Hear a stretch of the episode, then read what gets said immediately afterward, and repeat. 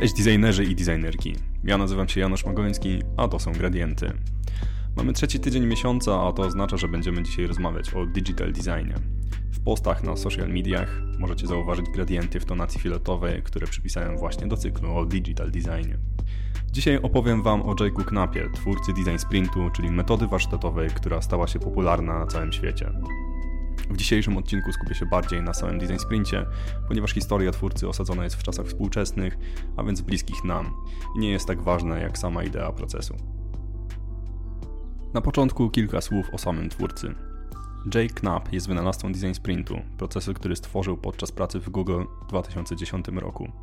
Wcześniej Jake tworzył takie produkty jak Microsoft Encarta, czyli taka Wikipedia tylko dla Microsoftu. Brał również udział w pracy nad Gmailem oraz współtworzył Google Meet. Szkolił setki zespołów w takich miejscach jak Miro, Slack, Lego, IDEO i NASA. W zakresie strategii produktu i zarządzania czasem, a także jest gościnnym instruktorem w Harvard Business School. Jake jest współzałożycielem Character Ventures, gdzie pomaga startupom znaleźć dopasowanie produktu do rynku za pomocą design sprintu. Ale, ale, czym w ogóle jest design sprint? Ideą procesu jest zbudowanie i przetestowanie prototypu w ciągu zaledwie 5 dni. Na początku należy zbudować mały zespół złożony ze specjalistów i kluczowych interesariuszy. Następnie wyczyścić harmonogram wszystkich osób na tydzień, a proces i sprawny facylitator sprawią, że szybko przejdziemy od problemu do przetestowanego rozwiązania. Design sprint jest jak szybkie przeniesienie się w przyszłość w której możemy zobaczyć, jak zareagują klienci, zanim zainwestujemy cały czas i wydatki na stworzenie nowego produktu, usługi albo kampanii marketingowej lub czegokolwiek innego. Design Sprint to nie tylko efektywność, to także doskonały sposób na zatrzymanie starych przyzwyczajeń pracy biurowej i zastąpienie ich mądrzejszym, bardziej respektowanym i skuteczniejszym sposobem rozwiązywania problemów, który wydobywa potencjał każdego w zespole i pomaga poświęcić czas na pracę, która naprawdę się liczy. A właściwie jak powstał ten proces? Jak już wcześniej wspomniałem, Jake Knapp stworzył Design Sprint w Google w 2010 roku. Czerpał inspiracje z wielu miejsc, w tym z kultury rozwoju produktów Google, warsztatów myślenia projektowego IDEO, pomysłów takich jak Getting Real firmy Basecamp i checklist manifesto Atula Gawende. A także z własnego doświadczenia w tworzeniu takich produktów jak Gmail i Hangouts. W latach 2010-2012 w Google Jake udoskonalił design sprint w takich zespołach jak Chrome, Search i Google X. W 2012 roku wprowadził design sprints do Google Ventures, gdzie reszta zespołu podzieliła się swoją wiedzą, aby udoskonalić ten proces. Braden Kowitz dodał projektowanie skoncentrowane na historii, czyli podejście, które skupia się na użytkowniku, a nie na funkcjach czy technologiach.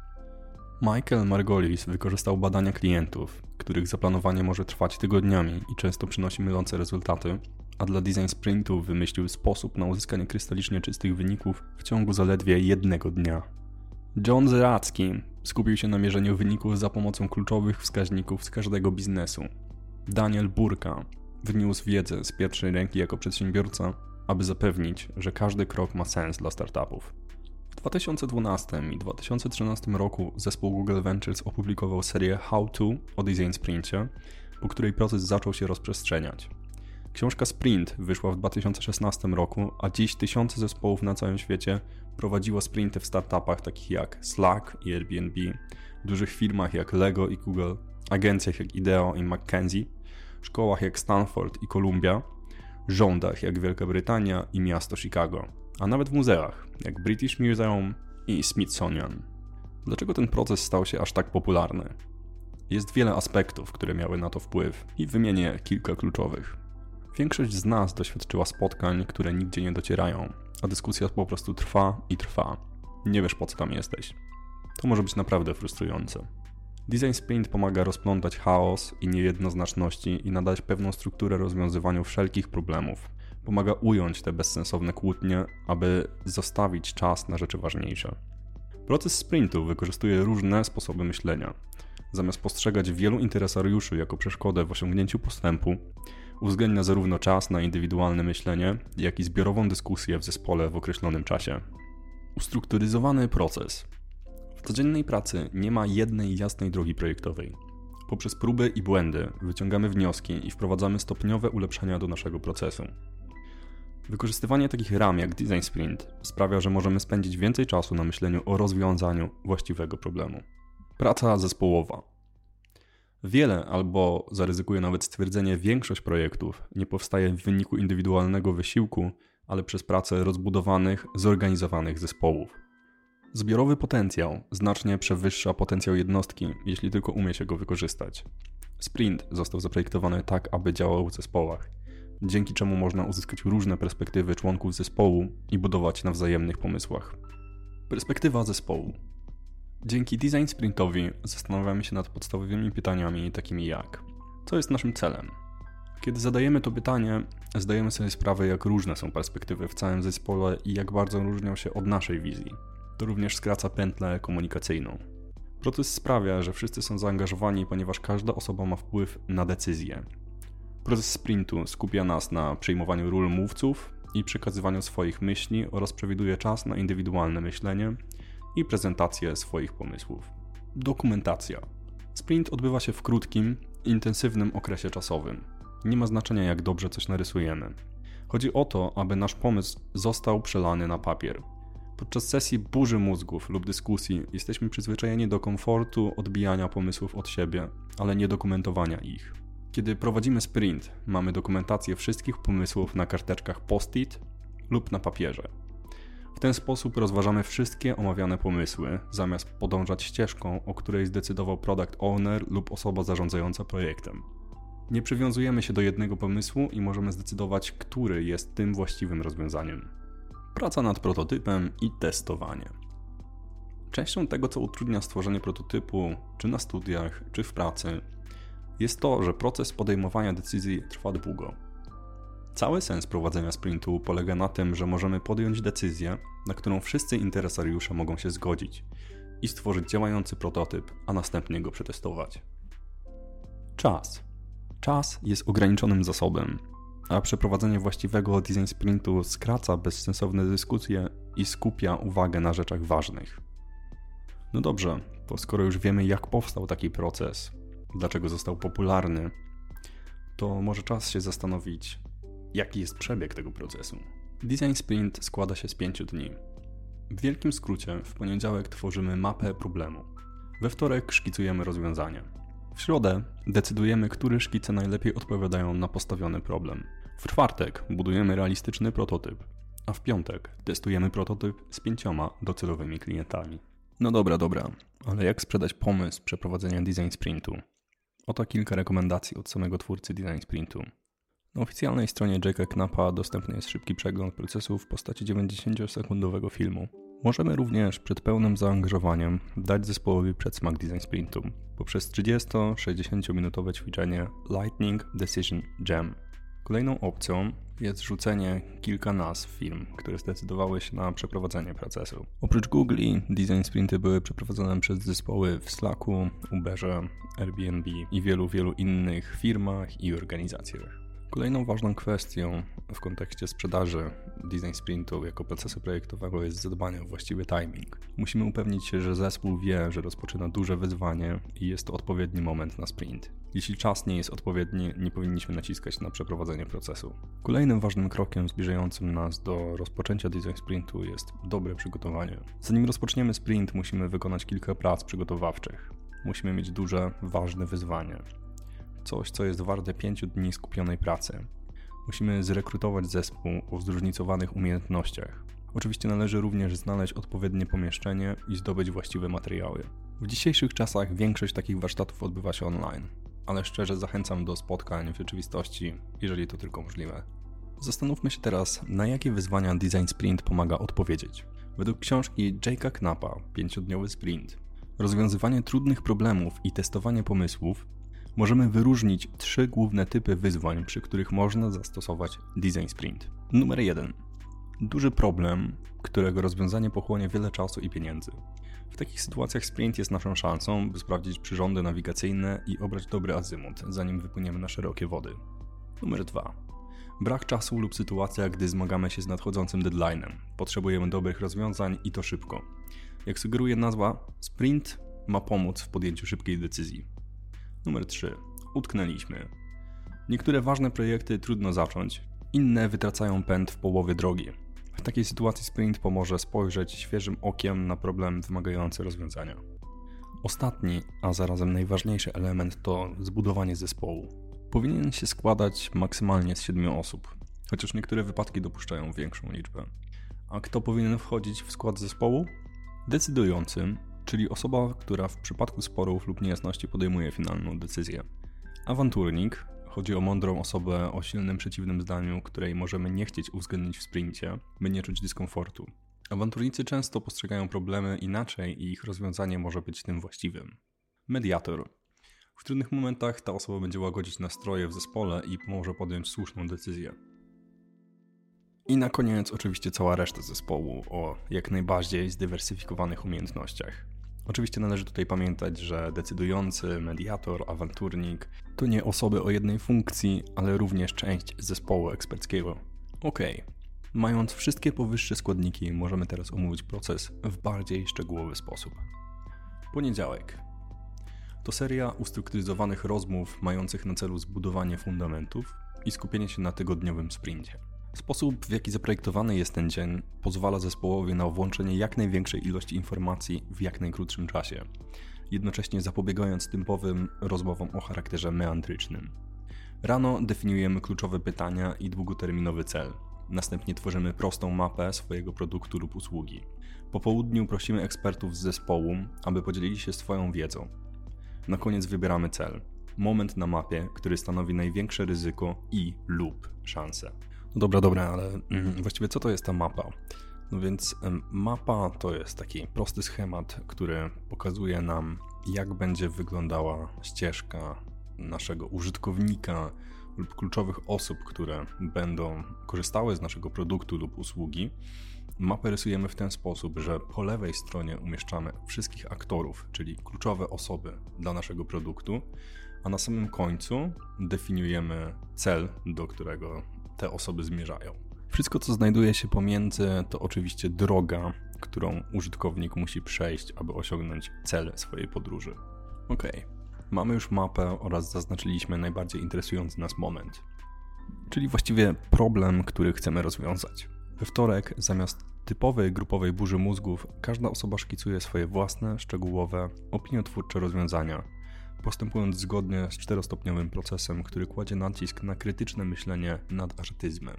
Dzień zaczynamy od stworzenia Lightning Demos, czyli przyglądamy się świetnym rozwiązaniom z różnych firm, w tym naszej, i mamy 3 minuty na każdą prezentację. Próbujemy uchwycić dobre pomysły za pomocą szybkich rysunków na tablicy. Gdy zebraliśmy już wystarczająco dużą ilość inspiracji, przyszedł czas na szukanie rozwiązań w postaci szkiców. Proces sporządzania szkiców podzielony jest na cztery etapy. Na początku tworzymy notatki, potem generujemy pomysły, następnie wykorzystujemy metodę Crazy Eight.